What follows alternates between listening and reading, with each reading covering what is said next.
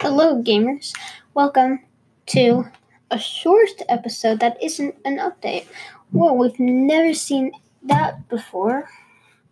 I'm doing this because I'm a gamer and I want to. So, today we're going to be talking about the new uh, Eon pack, or it's not Eon, Vertex pack.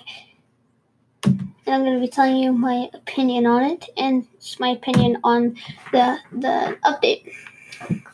First, we'll start with my the update. Let's scroll up. Uh, I'm going to be starting from the new weapon and going down. And I'm not going to be covering Save the World because I don't play it. I don't play it actively, and I, and I don't feel like I'm qualified to have an opinion on it. So first, the tactical assault rifle. I've played with it, and my, me and my friends have played with it.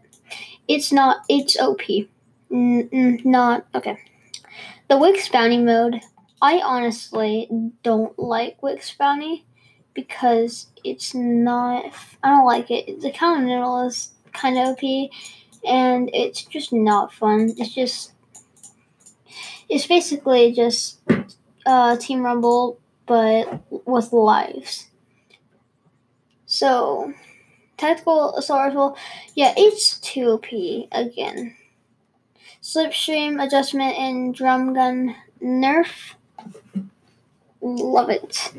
Love those. I think that that was necessary for the game. And the new prefabs, I think they shouldn't have added. No, never mind. That's not true. I am glad they added the um all of this, so it, you, people are going to be making a lot cooler maps and maps that I'll want to play.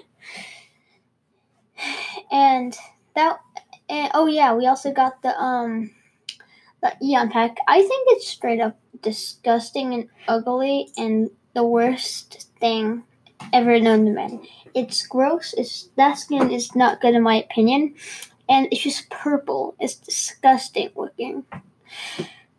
I hope you guys have a good day. And hold up, let me get this extra ad in here if you're watching. And you can support me if you have any extra cash.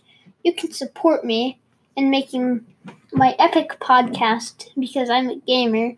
And you can support me and give me money by doing the thing that I've it's called like supporting. I don't know what it's called, but you can do that now, and it's very epic. Thank you. See you gamers later.